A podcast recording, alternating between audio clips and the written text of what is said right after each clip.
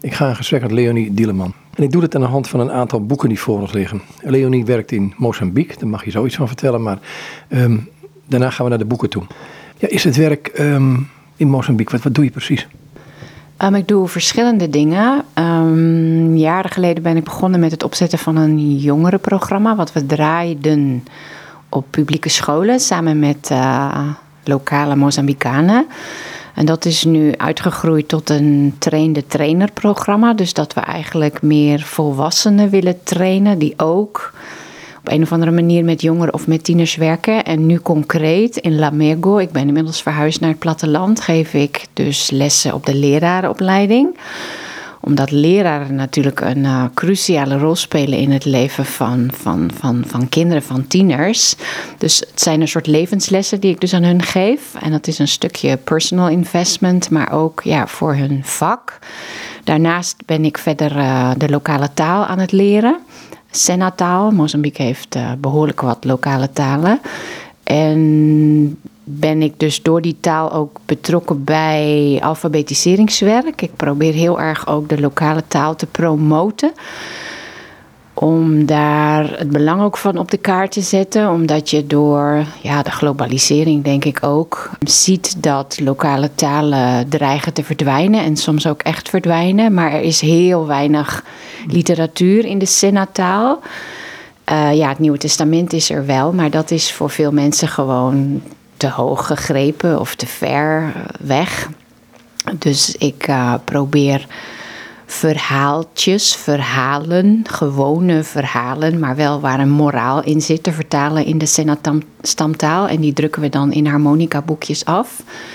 En ik probeer naast uh, bestaande alfabetiseringsgroepjes die van de overheid worden gestimuleerd of opgezet, en dat gebeurt dan in het Portugees, daar probeer ik dan de Senataal wat naast te plaatsen. Omdat de mensen natuurlijk, of een heel groot deel van de mensen, veel meer vocabulaire hebben in hun eigen hartstaal dan in de Portugees uh, officiële taal van het land. Als je zegt Senataal, uh, een stamtaal, dan kan het heel denigrerend bijna klinken. Ja, dat, uh, dat is een heel goed punt. Ja, ja, ik vind het juist een soort eerbied eerder gezegd. Ik heb zoiets van, wauw, dat zijn echt nog gewoon traditionele culturen. Ik heb daar eerder eerbied voor. Maar ja, ik, ik snap denk ik wel wat je bedoelt. Ik, heb, ik denk dat ik daardoor, daarom het woord dialect niet gebruik. Want dat heb ik zelf vanuit Nederland. Dat ik, ik ben zelf een Zeeuwse. En dan werd er over het Zeeuws ook gesproken als van ja, dat is een dialect. En ik moet je eerlijk zeggen, ik heb daar zelf nooit uh, iets denigrerends in gevoeld. Maar ik, ik heb wel eens begrepen dat dialect die connotatie heeft voor veel mensen. Uh, ik zou het ook een Bantu-taal kunnen noemen, want Senna is Bantu-taal en dan heb je het misschien minder. Maar ja, je hebt gelijk, voor sommige mensen klinkt stamtaal denigrerend, maar voor mij is het eerder een soort respect of een soort eerbied wat ik heb voor, voor die taal en die cultuur. Want het is een hele rijke taal. Ja, ik kan daar echt uh, met open mond een soortje naar staan kijken. Als ik uh, dat wel eens op een beetje op papier probeer uit te werken. En dus, er is gelukkig wel wat grammatica wat op papier staat. En als ik zie hoeveel woorden ze hebben voor sommige dingen, dat is, dat is uh, ongelooflijk. Dus ja, het is zeer zeker een hele rijke taal, ja. Nelson Mandela heeft over dat Portugees versus het Senna, maar dan over Zuid-Afrika, die talen, heeft hij ooit een opmerking gemaakt. Daar gaan we zo meteen een boek over hebben, maar allereerst die opmerking. Ja, hij zegt dat wanneer je in de taal van het land tot de mensen spreekt, dus in dit, taal, in dit geval de taal van de vroegere kolonisator, dan spreek je tot het hoofd van de mensen. Maar dan zegt hij zo mooi, but if you speak someone's mother tongue, you speak to someone's heart. Dus als je de hartstaal van iemand spreekt, dan spreek je tot iemands hart. En ja, dat is ook wat ik in op zich het kleine wereldje waarin ik in Mozambique misschien in leef. Dus ik moet uitkijken wat ik zeg. Maar dat is wel wat ik zie. Dat op het moment dat ik hun taal spreek, probeer te spreken, dat je ze soms gewoon echt hun mimiek ook ziet veranderen. Je ziet ze ontspannen. Uh, dus, dus ik zie het ook dat het echt gebeurt. Dat je dan uh, contact krijgt op een wezenlijker niveau. En dat mensen zich op hun gemak voelen en dat ze zich ook gerespecteerd voelen. Dat is wat ik voor het eerst zag, ik heb natuurlijk ooit Portugees geleerd in uh, Brazilië. En daar reageerden de mensen eigenlijk net zo zoals wij in Nederland, denk ik in het algemeen, reageren op iemand die de Nederlandse taal probeert te leren. Ik, ik eh, val daar niet van, van mijn stoel, moet ik je eerlijk hmm. zeggen. En in Brazilië werd ik ook zo behandeld. Nou ja, oké, je probeert Portugees te leren. Maar in Mozambique zag ik zo'n vreugde, zo'n blijdschap. Uh, het gebeurde zelfs dat Afrikaanse vrouwen met hun tong begonnen te rollen van vreugde. Dat, doen ze zo als ze hoorden dat ik wat probeerde te stotteren in hun taal. En ik dacht, wat is dat? En later kwam ik daarachter van ja, daar voelen ze zich door gerespecteerd. En dat is geweldig als je dat kunt doen, denk ik. Ja, dat is prachtig en hardstaal. Daar komen we straks nog wel op, denk ik. Maar ik wou we zouden dit gesprek aan de hand van een aantal boeken doen. En er ligt hier een boek van Jonathan Sacks, ehm, Een gebroken wereld heel maken. Hij is een paar jaar geleden, nog twee jaar geleden overleden, als ik het goed heb. Kan misschien wat langer zijn, maar hij is de opperrabijn van Engeland, dacht ik. Ja, dat klopt. Ik ehm, had een keer een recensie over dit boek gelezen. En toen was ik in Nederland en een echtpaar uit mijn gemeente zei: We willen je graag een boek meegeven als je zo weer teruggaat. Dat vind ik sowieso. Als ik daar nou weer aan terugdenk. Er zijn van die mensen die beseffen dat het ook goed is als je daar in de bush ergens zit, dat je zelf ook gevoed moet worden, blijkbaar.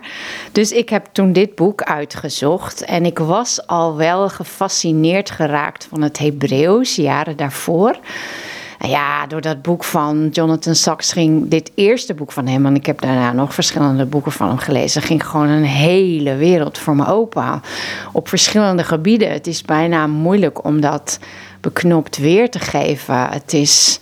Ik heb ook, moet ik je zeggen, ook best wel de nodige lezingen van hem beluisterd op YouTube.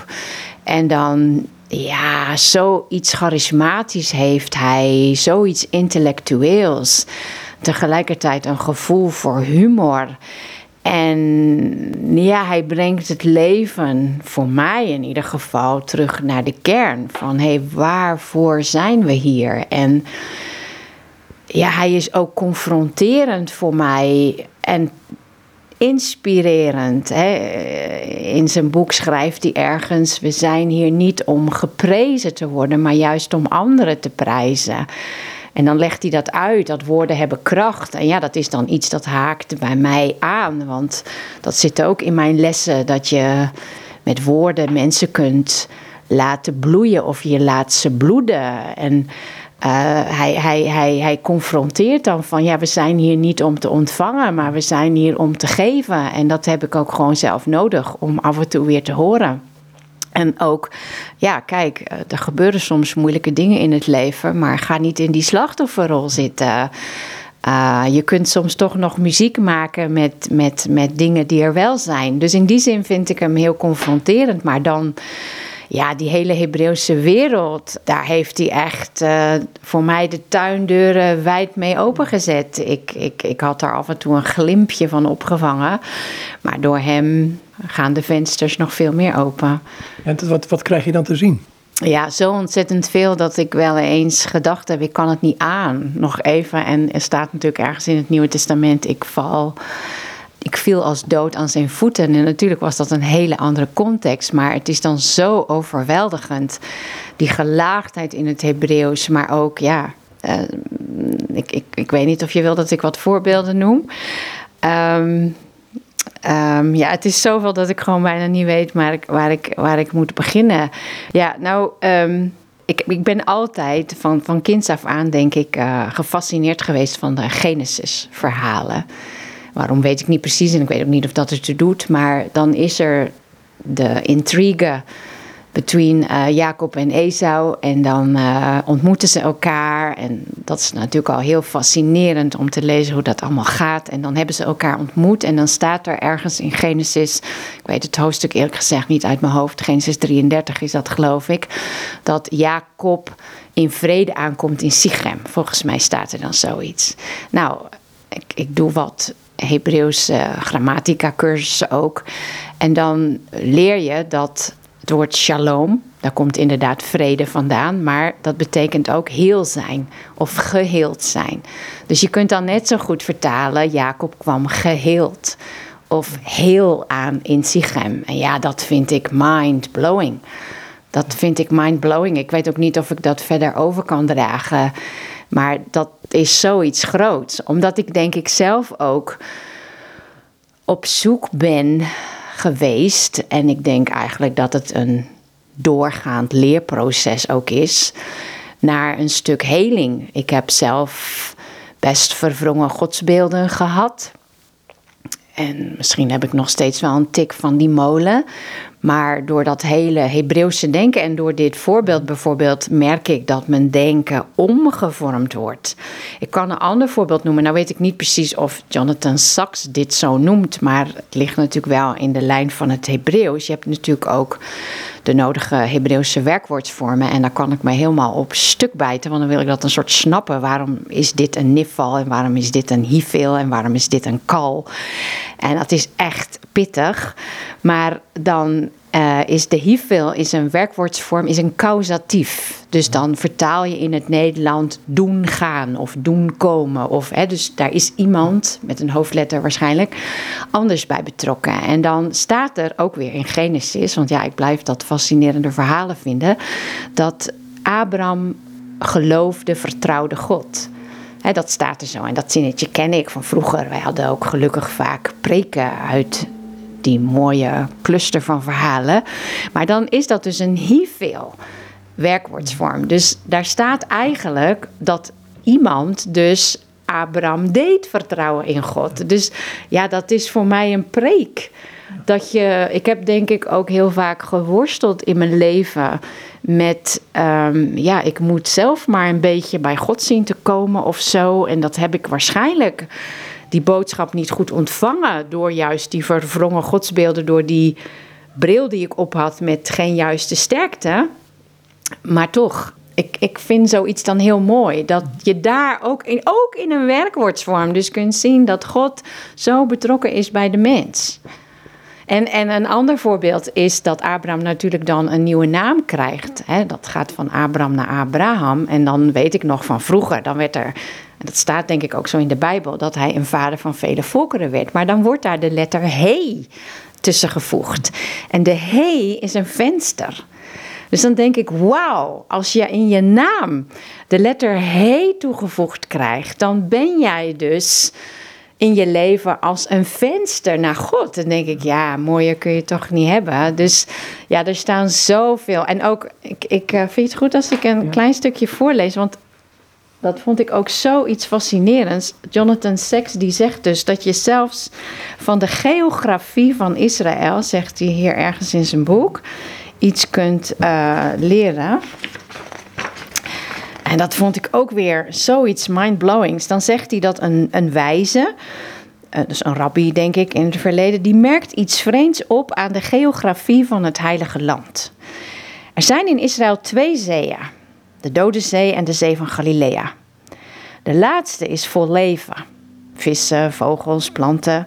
En de eerste bevat, zoals de naam al zegt, helemaal geen leven. En toch worden ze beide gevoed door één en dezelfde rivier, de Jordaan. Het verschil is, zei hij, dat de zee van Galilea aan de ene kant water ontvangt en aan de andere kant water doorgeeft. De Dode Zee ontvangt, maar geeft niet. De Jordaan eindigt er.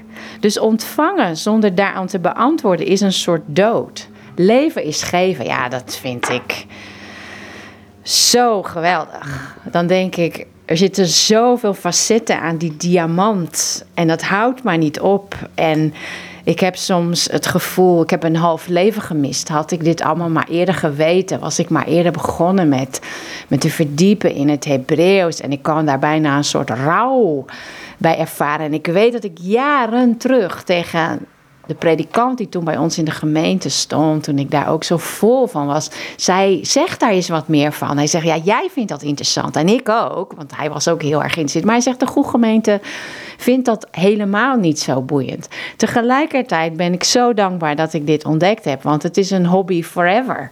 Ik weet als ik, ja, ik weet natuurlijk niet hoe mijn leven verder gaat, maar ik neem altijd overal mijn woordenboek van Italië mee ik kan overal ter wereld, waar ik ook ben, kan ik met het Hebreeuws bezig zijn. En ik ben zo dankbaar daar ook voor, voor wat het geeft en wat het doet. En het is oneindig, het houdt gewoon nooit op.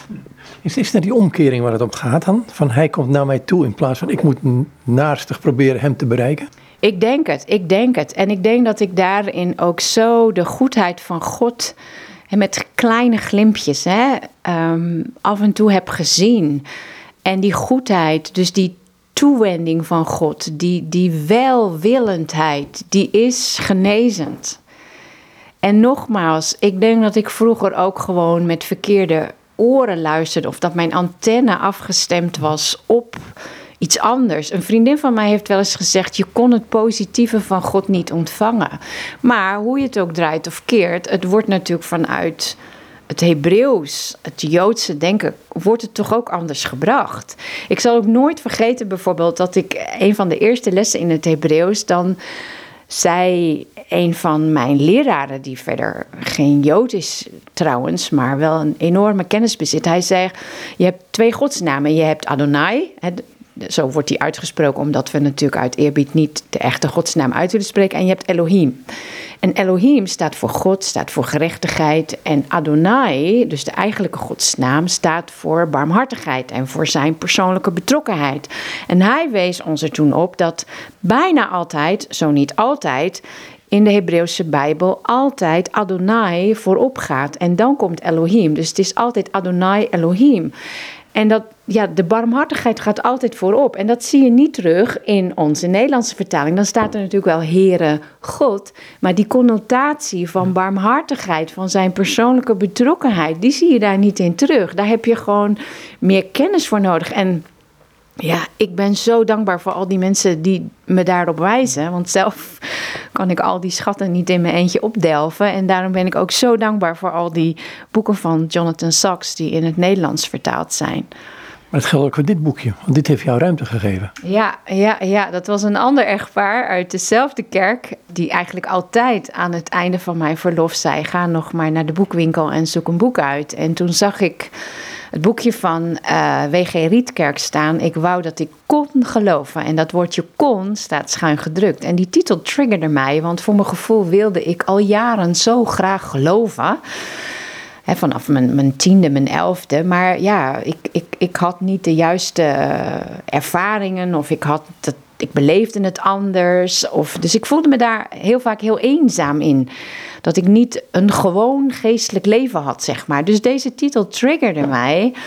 En toen ik eh, ja, na zes of zeven maanden pas, denk ik, in Mozambique dat boekje eigenlijk tevoorschijn haalde, waren het vooral, het was eigenlijk denk ik vooral het eerste hoofdstukje. Want ik had met heel veel eigenlijk uit dat boekje, daar herkende ik me niet in. Maar in het begin beschrijft dus die, die Rietkerk dat het bestaat dat je soms vanwege psychische problematiek, emotionele gebondenheid. Ik denk trouwens dat hij dat woord niet gebruikt, maar dus dat zijn mijn woorden. Dat je dus soms niet kunt geloven omdat je vertrouwen beschadigd is. En ik denk dat ik echt ging staan aan de tafel van wauw, dit, dit, dit ben ik, dat bestaat dus. En dat ja, was voor mij een soort openbaring van wat ik heb bestaat. En het is dus eigenlijk zelfs legitiem.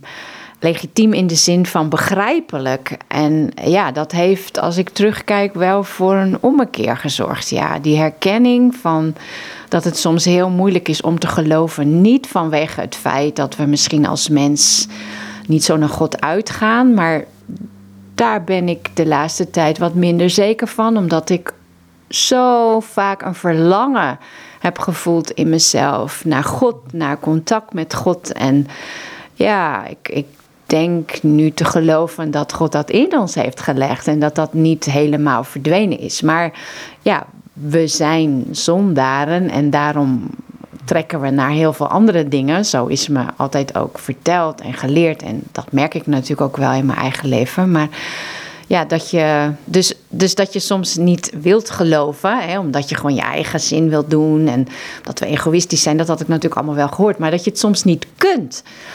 En ja, dat was voor mij, uh, dat is een kentering geweest. Een... Ja, wat voor manier is dat een kentering? Want je weet dat je niet, niet kunt. Hij noemt een aantal redenen daarvoor. Wat gebeurt er dan met je? Ik, ik gis maar wat. Komt er dan meer ruimte waardoor je dat een plekje kunt geven? Nou, het, het, het, als je een probleem hebt en dat wordt erkend, van dat bestaat, dat was voor mij genoeg. Zo van, hé, hey, wat ik heb bestaat. En dat is in die zin dus legitiem. Zo van, als je een gebroken been hebt, kun je niet lopen. En uh, als je een hoge bloeddruk hebt, ja, daar, daar, dan, dan heb je een andere behandeling nodig. En hij gaat, daar noem ik dit voorbeeld nu. Eh, nogmaals, ik heb het nog een keer doorgebladerd en ik schrijf ook een aantal keren herken ik niet, niet mee eens. En eh, het boekje riep ook heel veel op, maar hij, hij, hij maakt ook een onderscheid tussen schaamte en schuldcultuur. Mhm.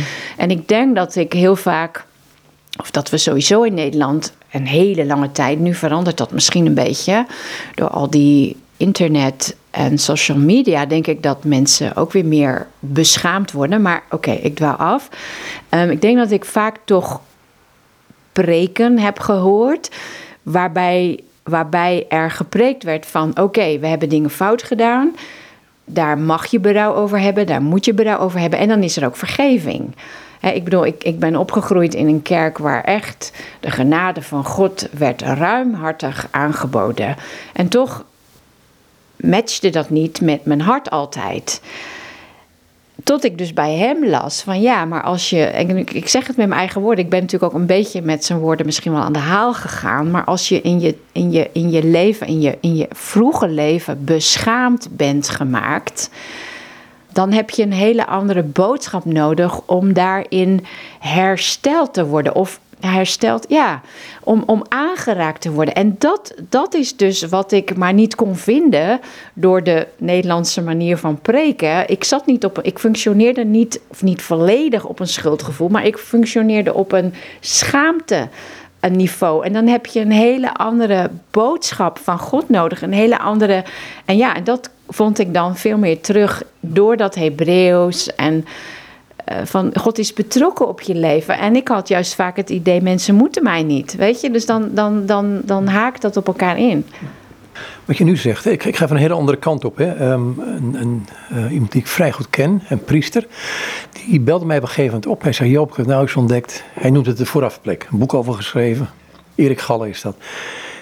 En wat houdt het in? Um, als ik jou die vraag hoor stellen van, um, dat je een, een, verlangen naar God hebt. Hij zegt, als je dat verlangen hebt, dan is het eigenlijk al een antwoord op een verlangen van God in jou. Dat, en, en voor hem was het een soort openbaring.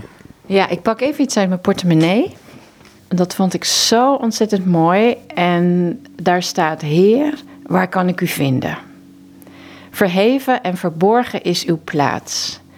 En waar kan ik u niet vinden? De wereld is vol van uw heerlijkheid. Ik heb uw nabijheid gezocht met heel mijn hart, heb ik u geroepen. En toen ik uitging om u te ontmoeten, bemerkte ik dat gij mij tegemoet kwam. Dat is van Jehuda Halevi. Mhm. Ja, dat, dat is denk ik wat daarbij aansluit. En het is dat, dat Hebreeuws waar je echt verzot op bent geworden. Dat, ehm, ik dacht dat het stamwoord van het Hebreeuws dat ook betekende vanaf de overkant. Hij komt, hij komt naar je toe. En het is lastig te vatten. Ik, ik, ik ken die, uh, ik weet die icoon van Robeljev kent, van de drie eenheid, de drievuldigheid. Er zit een omgekeerd perspectief in, waardoor zij naar jou toe komen en jij niet die kant op gaat. Oké, nee, die ken ik niet. En het is inderdaad niet te bevatten en ik probeer het ook niet meer. Ik, ik onderga het, ik, ik bewonder het, ik aanbid het, ik stotter. Want ik herinner me dat ik een keer ook op zo'n bijeenkomst zat met, we hadden een Hebreeuwse leesgroep. En dat ik zei van, ik probeer aan mijn, aan mijn vriendinnen soms uit te leggen hoe gaaf ik dit vind, maar het lukt me niet. En ze keken me allemaal een beetje schaapachtig aan. Ik ben daar een van de jongste. Ze keken me allemaal een beetje schaapachtig aan en ze zeiden van ja, snap je dat niet? We hebben allemaal datzelfde probleem. Ja, het is niet te bevatten en het is zo groot. Het, uh, ja, je, moet ermee behept raken of zo. Ja, ik weet het niet. Ik weet, Paulus zegt op een gegeven moment, in hem bewegen wij. En, en alsof we hem al tastend kunnen vinden. Dus ergens die, die mensen die om ons heen zitten, die wij niet kunnen pakken, denk ik soms. Ja, ik, ik, ik ja. Ja, zo zou ik het ook. Of, of zo'n antwoord zou ik ook geven. Maar goed, hey, een ander boek. Um, daar gaat van Nelson Mandela, Goodbye Bafana. Um, dat is een boek, um, ja, dat wilde je per se iets over zeggen. ja, ik uh, ken dat boek nog niet zo heel lang. Ik was vorig jaar in Kaapstad voor verschillende redenen. En uh, bij een Nederlandse vriendin lag dit boek. En ja, ik heb het echt in één uh, dag uitgelezen, denk ik. Het gaat over een van de bewakers van Nelson Mandela. Deze man is 24 jaar zijn bewaker geweest. En hij groeit zelf als, als blanke Afrikaan op bij zijn ouders op een boerderij. En speelt gewoon met de Zulu-kinderen. En ja, hij begint dat al gewoon zo mooi te beschrijven op een manier dat je als lezer gewoon ook heel goed beseft dat die culturen zoveel wijsheid hebben en, en zoveel respect. En ja, een, een, een, een, ja ik, ik, ik zou het hele boek ook een soort eerherstel willen noemen aan een deel van de Afrikaanse cultuur. Ehm, en, en ja, hij laat ook zien dat, dat de, de beschaving bij de Afrikanen vaak zo verder ontwikkeld is dan bij ons. Maar goed, hij uh, moet daar naar kostschool. En dan heeft hij een hele erge rottijd. En ja, voelt zich door zijn ouders in de steek gelaten. En dat hele apartheidsdenken was er wellicht al. Dat weet ik eigenlijk niet eens goed. Maar daar, daar gaat hij een keer mee naar een bijeenkomst. En dan wordt hij daar ook door beïnvloed. En dan schrijft hij dat het op een dag gebeurt, hè, terwijl dus zijn beste vriend, een, uh, die Bafana, een, een Zulu-jongen was. Dan gebeurt het dat een zwarte Afrikaan voor zijn ogen in elkaar geslagen wordt en hij doet er niks mee. En dan wordt hij naar Robben Island gestuurd om uh, Mandela en die andere drie of vier mannen te bewaken. En hij wordt, uh, ja, ingepraat als dat het de meest afschuwelijke monsters zouden zijn. En hij komt daar en hij is wel een beetje gewapend. Uh, hij heeft zichzelf gewapend, zo van nou uitkijken. Maar hij merkt eigenlijk al vrij snel dat het hele beschaafde mannen zijn en heel aardig. En ja, hij besluit met ze mee te gaan lopen. Ze lopen iedere dag ook een bepaald rondje. En hij kent, en ja, dat vind ik dan heel erg leuk om te lezen. Hij kent natuurlijk ook de Zulu-taal en ik denk ook nog een andere taal. En ja, dat, dat vind ik dan gewoon even leuk om te lezen. Omdat ik natuurlijk zelf in Afrika ook probeer om een stamtaal, ik noem toch maar weer het woord, een bantoetaal, te lezen. En ja, dat herken je dan, van dat dat toch een soort uh, smeerolie is in de relatie. En dan, dan, dan, dan raakt hij in verwarring. Van hé, wat, wat, wat er gebeurt hier iets. En dan weet hij het op een gegeven moment niet meer. Wie spreekt nou de waarheid? En hij zit daar ook met blanke Afrikanen die zich beestachtig gedragen. En nou ja, moet ik mhm. iets. Uh, dan beschrijft hij zijn verwarring. Dat hij gewoon niet meer weet wie spreekt nou de waarheid. En wat doet hij dan? Even kijken, ja, hier zegt hij. Na een paar maanden van deze gesprekken, dus mhm. gesprekken met Mandela, wist ik niet meer wie er gelijk had en wie ongelijk. Ik wist niet meer wie de waarheid over de geschiedenis van ons land vertelde. En ik voelde me zo slecht en onzeker dat ik absoluut achter de waarheid wilde komen. En ik merk dat ik net iets vergat. Als die opgroeit, dus op de, de boerderij van zijn ouders, volop tussen de Zulu-mensen, dan zegt hij dus als vrij jong jongetje op een dag tegen die Zulus: Hé, waarom werken jullie eigenlijk op een land dat niet van jullie is? Ja, dat vond ik zo treffend. Nou, en dan zegt hij: uh, Ik kreeg een idee. Iedere tweede vrijdag van de maand had ik een vrije dag. En gewoonlijk namen Gloria, zijn vrouw, de kinderen en ik dan de ferry om een dag in Kaapstad door te brengen. Voor die dag echter had ik een ander plan. Terwijl Gloria boodschappen deed en mijn zuster bezocht, kneep ik er met een of ander smoesje tussenuit en dook in Whale Street de grote bibliotheek in. Daar zei ik dan dat ik studeerde voor mijn bachelor's examen geschiedenis. Maar een paar minuten later had ik het handvest van de vrijheid van het ANC voor me liggen, waarover Mandela had gesproken. En toen ik het voor de eerste keer had gelezen, stond ik zo versteld dat ik ervan rilde. Ik las het handvest, ja, dan kun je het hele handvest lezen, nog eens door, en vroeg me af welke blanke in Zuid-Afrika het gelezen had. Ik verslond het. En nou ja, dan, dan verbaast het hem dat ze, hè, dus eh, dan gaat het over die, die, die thuislanden. En dan schrijft hij: Het verbaasde me dat ze in totaal 13% van het land uitmaakten. Dat wil zeggen dat de blanken minder dan 20% van de bevolking zich 87% van Zuid-Afrika hadden toegeëigend. Ja. Ja, dan, dan, dan beseft hij meer en meer die, die, die, die superioriteit en het stukje oneerlijkheid. Dat hij overhelt naar de andere kant en gaat proberen om mhm. Mandela en zijn vrienden te helpen. En dan, ja, dat kost hem natuurlijk dan ook weer heel veel. Zijn eigen zoon wordt vermoedelijk vermoord. Maar ik vind het dus een, een, ja, een prachtig boek. En wat ik ook weer dan weer een heel leuk detail vond. Hij was eerst uh, verkeersagent. Heeft hij maar een paar maanden gedaan volgens mij. En hij moest ook boetes uitdelen. Nou, dat wordt ergens genoemd in dat boek. En dan veel later, als hij dus volop tussen de zwarte Afrikanen zit. Dan zegt iemand van ja, maar je hebt wel een.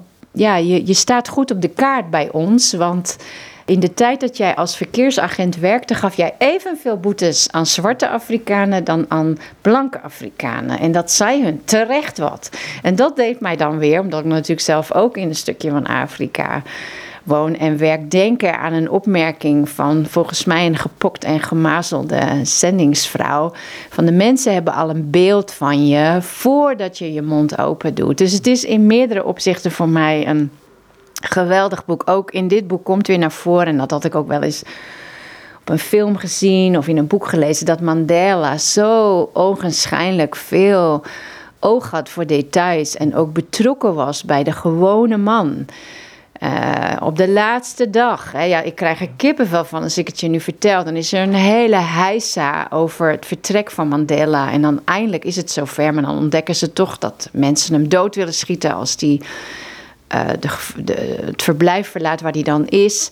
En dus dat is allemaal heel spannend. En dan nog krijgt die bewaker, hè, dus deze James heeft 24 jaar met Mandela opgetrokken. En dan krijgt hij een briefje van er komt nu na 24 jaar een einde aan onze bijzondere vriendschap. Nou, er ging natuurlijk zoveel door Mandela heen op dat moment. Dat is niet te bevatten. Maar dat hij oog had voor. Ja, en dat komt ook heel mooi terug. Dus ik vind het een geweldig boek om meerdere redenen. Maar ook, dus een, het voelt voor mij als een stuk eerherstel. Ja.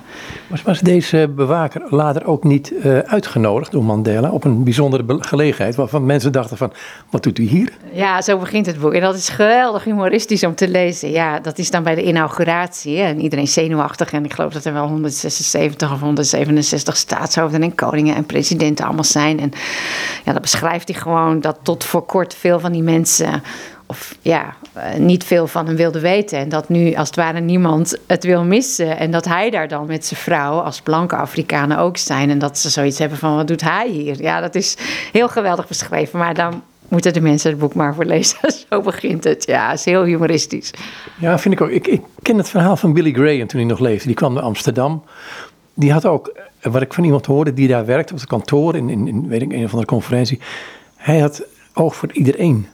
Het maakt niet uit wat je was. En niet alleen voor de hoge plaatsen, maar met iedereen had hij contact. En, en op een goede manier. Dus niet van, oh kijk, mij is als belangrijk iemand. Maar dat, dat gevoel krijg ik bij dit ook. Dat, dat Mandela dus gewoon de man zag en altijd gezien heeft. Ja, ja, en ik denk dat dat bijna het toppunt is van menselijke waardigheid. Als je dus mensen ja, zo kunt behandelen. En dan... Uh, ja, we zijn allemaal als mensen van God geschapen. En als je dus iemand die belangrijk is of iemand die ogenschijnlijk in de wereld minder belangrijk is, met waardigheid behandelt, denk ik dat je ook de maker eert. Ja, ik vind dat heel mooi als je dat kunt. Ja, heel mooi. Ja. Ja, want er ligt hier een Nadense Bijbel. Um, dat zien um, van God naar jou, dat heb je hier ook in gezien. Ja, ja, ja, ja, dat was heel ontroerend. Het kan me weer ontroeren. Ik ben uh, ja, op een gegeven moment in Mozambique. Ik luisterde veel preken en ik las ook veel over God. En ik verlangde, zoals ik al eerder zei, naar een. Ik weet niet goed wat voor relatie, maar met meer contact tussen mij en God. Um, en toen zei iemand van ja, eh, mensen lezen soms veel over God, maar lezen niet zijn eigen woord. En ik las ook wel in de Bijbel en toch merkte ik, en ja, misschien moet ik me daarvoor schamen, dat weet ik eigenlijk niet goed, dat het me niet zoveel zei. Ik las altijd wel de Statenvertaling, eh, bewust, want uh, ik was een beetje wantrouwend tegenover allerlei, ja, hoe moet ik dat nou netjes zeggen? Ik moet altijd uitkijken dat ik niet te snel te generaliseer, maar toch wat vlottere, leukere vertalingen. Ik wil ook tot op de dag van vandaag, als er iets gezegd wordt, en nu kan ik het zelf opzoeken in het Hebreeuws, van wat staat er. Maar nou ja, ik, ik, uh, toen kwam die Naardense Bijbel uit. En ik was natuurlijk al in vuur en vlam gezet door dat Hebreeuws. En uh, nou ja, er werden dus ook in dat opzicht uh, lovende dingen over die Bijbel gezegd. En ik kreeg die voor mijn verjaardag. Het was toen echt nog zo'n enorme dikke Bijbel. En ik heb toen een uh, kleinere uitgave mee naar Mozambique genomen. En ik dacht, ik moet gewoon gedisciplineerd Gods woord gaan lezen. Als je iemand beter wilt leren kennen, dan moet je ja, in ieder geval ook zijn eigen woord gaan lezen. Dus ik begon natuurlijk in Genesis. En ja, dat is prachtig hoe hij soms de namen uitlegt. En uh, er gebeurde eigenlijk nooit iets bijzonders. En ik weet ook niet of je kunt zeggen dat er nu iets bijzonders is gebeurd. Maar ik kwam op een dag aan bij dat stukje dat Hagar in de woestijn is. En nou ja, het even niet meer goed weet. En dan staat er El Roy, God die mij ziet. Ja, en dat was de verbinding, denk ik. Ik denk dat ik, dat wist ik niet.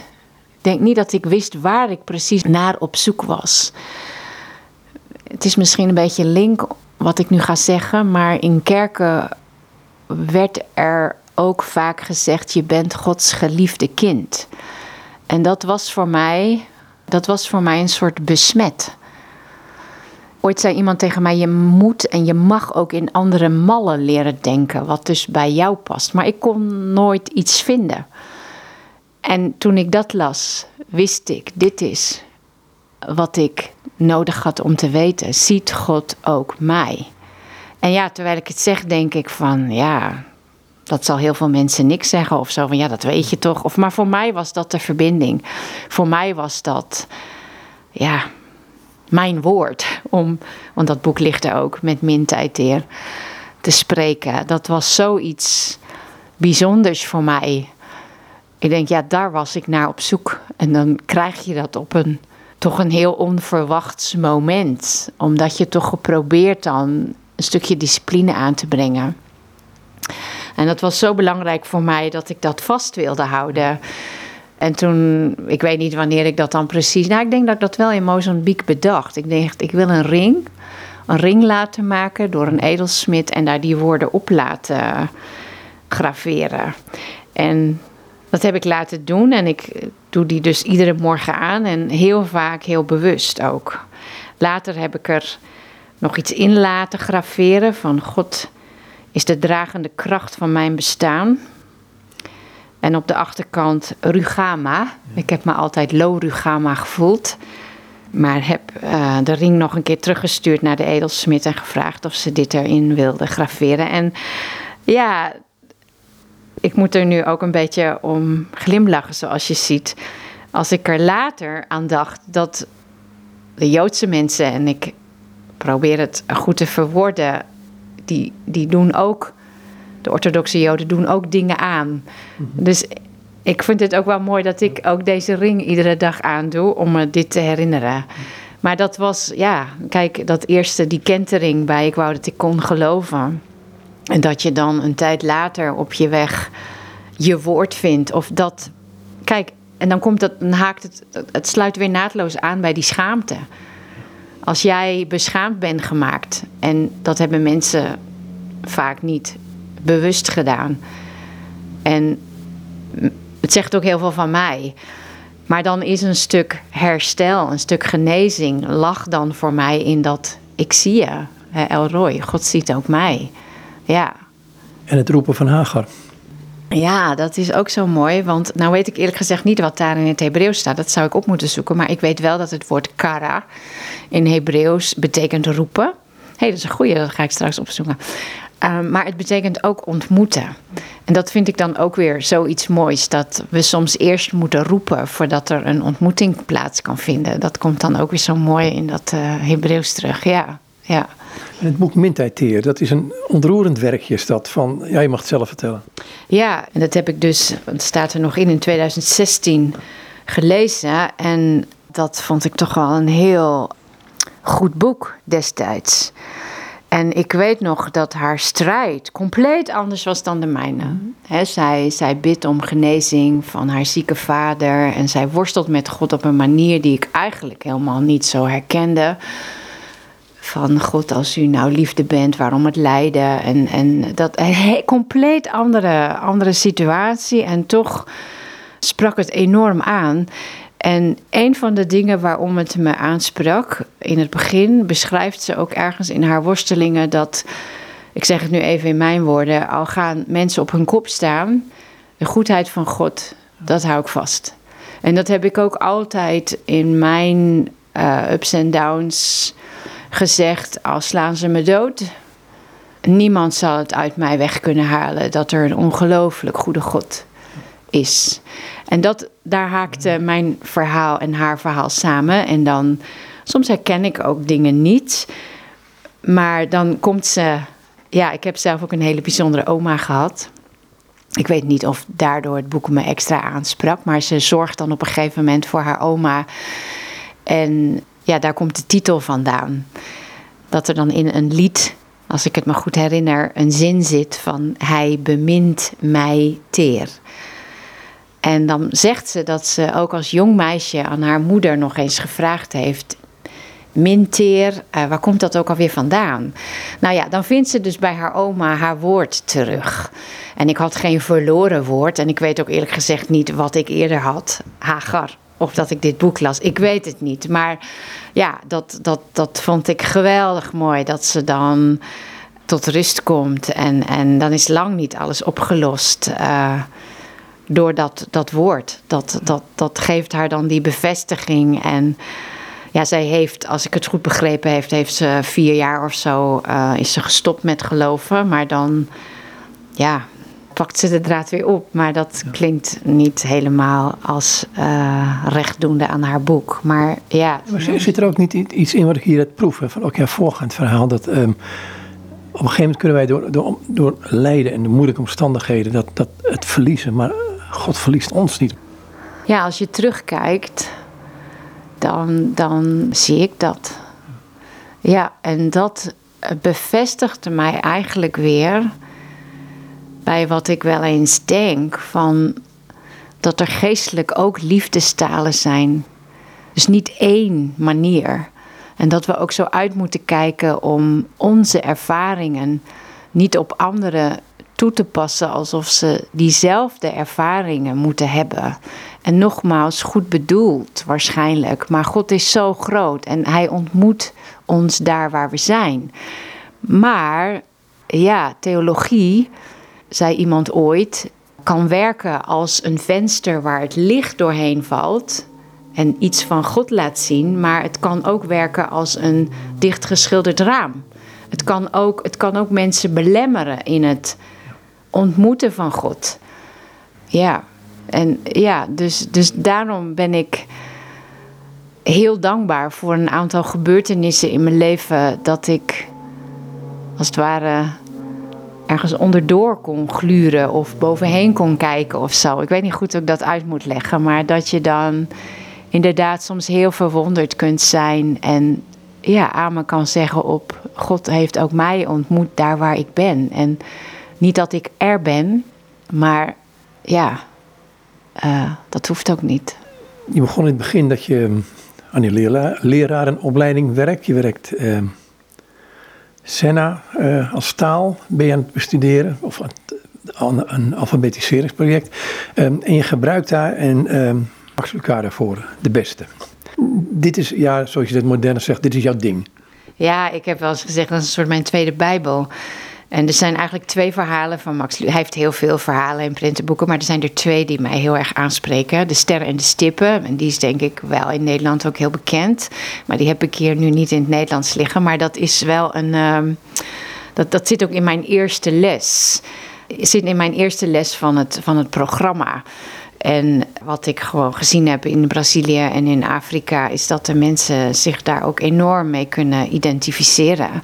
En ik zelf ook ik, ik zat ook onder de grijze stippen en ik denk dat ik er nog een paar heb. En iedere keer als ik het verhaal weer vertel en ook het andere verhaal, de beste, wat ik op dit moment eigenlijk nog een beter verhaal vind, maar dat is denk ik omdat ik in Afrika ook zit, uh, vertel ik het tegen mezelf. En het is ook wel grappig. Ik, uh, ik liep in Bera altijd hard s'avonds. En ja, ik slalomde altijd tussen al de mensen die dan nog druk op straat bezig waren te verkopen. En ik kwam natuurlijk ook altijd honderden leerlingen tegen. En had ook een soort themalied gemaakt waar ook iets van dat verhaal in terugkomt. En dan zongen ze altijd tegen mij, want You Are Special is de originele titel. Als ik dat vertaal in Senna, dan is het Io in die Muntu Wakufunika. Zo van, je bent geliefd, er is niemand zoals jij, je bent gezien. Je kunt niet helemaal letterlijk vertalen. En als ik dan hard liep, dan zongen heel vaak de mensen dat lied. Van Wakufunika. Dat zongen ze dan tegen mij. En ik liep dan hard en ik dacht, ja, dat is ook nog een soort muziektherapie. maar goed, dat is misschien een zijpaadje.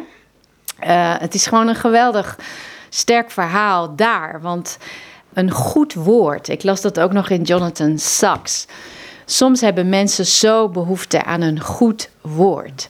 En in dat kleine wereldje, ik moet uitkijken dat ik gewoon alleen maar spreek voor de wereld waar ik in woon en werk. In dat kleine wereldje in Mozambique waar ik woon en werk. En waar ik in het verleden werkte in Rio. Heb ik gezien uh, dat een goed woord gewoon zoveel kracht heeft. Het is als mest, het laat mensen groeien. Heel anders dan hier. Hier worden mensen soms ziek van al die complimenten en doe je er geen goed aan. Maar daar werkt het helend, zou ik ook bijna weer zeggen. En mensen uh, visualiseren het ook. Ik was een paar weken voor ik naar Nederland kwam echt nog in de bush in Mozambique. En ik had daar in de stamtaal dit verhaal van de sterren en de stippen proberen te vertellen. En ik weet niet meer precies wat er gebeurde, maar een van de vrouwen zei: Oh, dit is een stip. En ik moet eigenlijk proberen een ster te geven. Dus, maar goed, uh, deze, de beste, ja, dat dan, dan uh, gaat dat dus over hetzelfde volkje, hetzelfde hoofdpersoon. En dan komt er iemand op bezoek in het dorpje waar de Nervelanders dus wonen. Ik weet niet altijd helemaal goed de Nederlandse woorden. En dat schijnt de allerbeste uh, Nervelander te zijn. Ja, waarom dan? Ja, zij is van het beste hout gemaakt en zij komt uit het beste bos. Nou, het hele dorp is onder de indruk en iedereen wil haar begroeten. En ook de hoofdpersoon die in het Nederlands Wout heet. Maar als zij, nou weet ik niet hoe ze in het Nederlands heet, dus ik noem ze maar even Lady Bess dat is dan weer in het Engels. Ze wil niet eens zijn hand schudden. Ze heeft zoiets, nee, ga weg jij alsjeblieft. En hij staat helemaal stokstijf. En zij weet dan het hoofd van de bewoners van dat dorpje op hol te brengen door de nadruk te gaan leggen op van hé, hey, van wat voor hout ben jij gemaakt? En dan, ik zal het even opzoeken, uh, blijkt de hoofdpersoon, Wout, is van het allerslechtste hout gemaakt. Dat vindt zij dan, hè? Um, even kijken hoor. En dan um, ja, wordt er enorm op hem neergekeken. Misschien moet ik een stukje voorlezen. Uh, dus, dus zij, misschien doe ik het te kort door de bocht, zij legt dus heel erg de nadruk op van ik ben van het beste hout. En ze zoekt dan mensen uit dat dorp die ook van dat hout zijn. En die mogen dan bij haar club horen. En die krijgen dan ook een ketting om met de letter W. Um, ja, wat dat nou in het Nederlands betekent, weet ik niet. Maar wonderful, zeg ik dan in het Engels. Maar er zijn natuurlijk ook allerlei andere houtsoorten en die zoeken dan elkaar weer op. Maar woud is de enige die dan van wilgehout gemaakt is. En dan praat iedereen slecht over hem. Nou ja, ik lees een stukje voor. Vanaf die dag begon Nerfdorp te veranderen.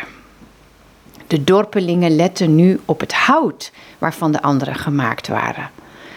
De notenhouten nerflanders keken neer op de grenenhouten nerflanders. Grenenhout keek neer op iepenhout. Magnoliahout keek neer op iedereen. En iedereen keek neer op Wout. En dan was Wout erg verdrietig en hij probeert dan met de notenhouten contact te leggen. Maar niemand wil met hem spelen. En hij gaat naar het feest van de magnolia's. Maar dan staat er verboden toegang op de deur. En zo wordt hij overal uitgestoten. En dan is hij erg verdrietig. En dan zegt het verhaal: hij liep een eind en ging zitten bij de rivier waar de wilgen groeiden. Waarom moest ik nou een wilg zijn? zei hij tegen niemand in het bijzonder.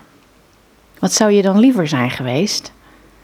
En Wout schrok op van het geluid van de stem. Hij keek omhoog en zag Eli, zijn maker. Magnolia? ging Eli verder. Zou je liever van magnoliahout zijn gemaakt? Wout antwoordde niet. Verdrietig en beschaamd liet hij zijn hoofd hangen. heb je dat woord weer, beschaamd. Eli liep naar hem toe en tilde met een vinger Wouts kin omhoog. Andere Nerflanders zijn beter, vertelde Wout hem. Wie zegt dat? Iedereen. Eli zuchtte en schudde zijn hoofd. Kom eens hier. De twee liepen naar een wilg en bleven daar staan. Wout, wie denk je dat er meer weet? De Nerflanders of de maker van de Nerflanders? Wout glimlachte zwakjes. De maker? Natuurlijk weet ik meer. Geloof je dat ik wist wat ik deed toen ik jou maakte? Ja, dat is geweldig. En ik zie dat dat land, daar in Mozambique, en uh, ja, daar heb je helaas onder de Mozambicanen ook weer racisme en discriminatie. Uh, dus dan hebben we het daarover. En ik weet dat ik toen ik dat voor het eerst ontdekte, dat is jaren terug al, dat dus hoe blanker je bent als Mozambicaan, hoe beter. Ja, ik was werkelijk helemaal geschokt, maar het is zo. En ja, dan is zo'n verhaal zo een geweldige aanleiding om zoiets bespreekbaar te maken en opnieuw de spiegel voor te houden, hun, maar ook mezelf. Van je bent goed zoals je bent. En dan bedoel ik dat niet goedkoop, zoals dat nu soms gezegd wordt van, oh ja, als je een beetje ongeduldig bent, ja, zo ben ik nu eenmaal. Nee. Nee, ik, ik kan het ook niet goed uitleggen. Maar God kent je, Hij weet je, Hij kent je beperkingen en Hij heeft je hout uitgekozen. Je hebt maar één leven. Je hoeft niet de beste te zijn. Hè? Wat, wat natuurlijk ook in dat boek naar voren komt. Maar geef wel het beste van jezelf. En laten we alsjeblieft stoppen om de ander dus te discrimineren ook. Ook in Afrika. Dat lijkt me ook. Hey, ik wat het besluit nog een stukje uit die Naders en Bijbel laten horen. Ja, mijn liefde voor het Hebreeuws begon dus op de ETF, waar ik toen een zendingsjaar deed. Dat de docent uitlegde hoe de structuur ook in elkaar zit van die taal. En dat dingen die in het midden staan vaak het belangrijkste zijn. En dan heb je bijvoorbeeld Psalm 23. Daar staat in het midden, want gij zijt bij mij. En natuurlijk zeg ik het nu in het Nederlands. Um, maar daar staan in het Hebreeuws 26 woorden voor en 26 woorden na. Nou, en 26, dat is het getal van de godsnaam. Dus zelfs in de structuur zit dan al zoveel. Dus in het midden staat dan van, want gij zijt bij mij. Dus ook als ik moet gaan door een dal vol schaduw van dood, kwaad zal ik niet vrezen, want gij zijt bij mij. Uw staf en uw stok, die zullen mij vertroosten. Ik vind dat heel bijzonder dat dat stukje dan in het midden staat. En dat, ja, dat kun je niet zien in het Nederlands. Dus ik hoorde daar uh, een preek over en de dominee legde dat uit. Dat dat dus precies in het midden staat, het belangrijkste. En ja, dat is... Uh... Dat is wel tot het diep, diepst van je wezen doorgedrongen dat hij bij is, hè? Ja, en vooral dan dat zien. Ja, dat, dat, dat, dat zien. Ja, ja, dat klopt. Apart dat het zo belangrijk is voor mensen om gezien te worden, toch? Hè? Ja, ik denk dat dat wel iets universeels is. Um, maar dat toch de een daar misschien. Ja, wat meer behoefte, weet ik niet of dat, of dat klopt. Maar. Um, nou ja, en ik kan alleen maar voor mezelf spreken. Dat dat bij mij in ieder geval mijn geestelijke liefdestaal is. Ja, en dat dat bij mij heel helend heeft gewerkt. Ja. Ik weet als ik ergens binnenkom en mensen herkennen je. Is het in, in een een of andere terrassen waar dan ook. Het doet je altijd wat. Ja, het doet goed. En vooral dan ook uh, dat je ziet dat, uh, ja, zo noem ik het dan bij God, dat die welwillendheid. Dus genegenheid, het welkom zijn. Maar het woord welkom drukt het niet goed uit. Maar als je op het terras, als je aan dat terras denkt en je ziet dat mensen oplichten als jij er aankomt, dat, dat, uh, ja. Er zijn welwillendheid naar jou toe. Ja. Wat je eigenlijk al die jaren gemist hebt daarvoor. Ja, ja, ja, ja, klopt. Ja, ik vind dat een heel mooi woord, uh, die welwillendheid. Ja. Mag ik daarmee eindigen? Dank, dank je wel voor dit gesprek. Ja, graag gedaan. En is er Leonie Dieleman. En met haar was ik in gesprek over een aantal boeken die hier voor me op tafel liggen. Ik ga ze niet allemaal noemen, want die zijn genoemd in de uitzending. Dus ik wou het daarbij laten. Dus nogmaals tot zo voor dit gesprek met Leonie Dieleman.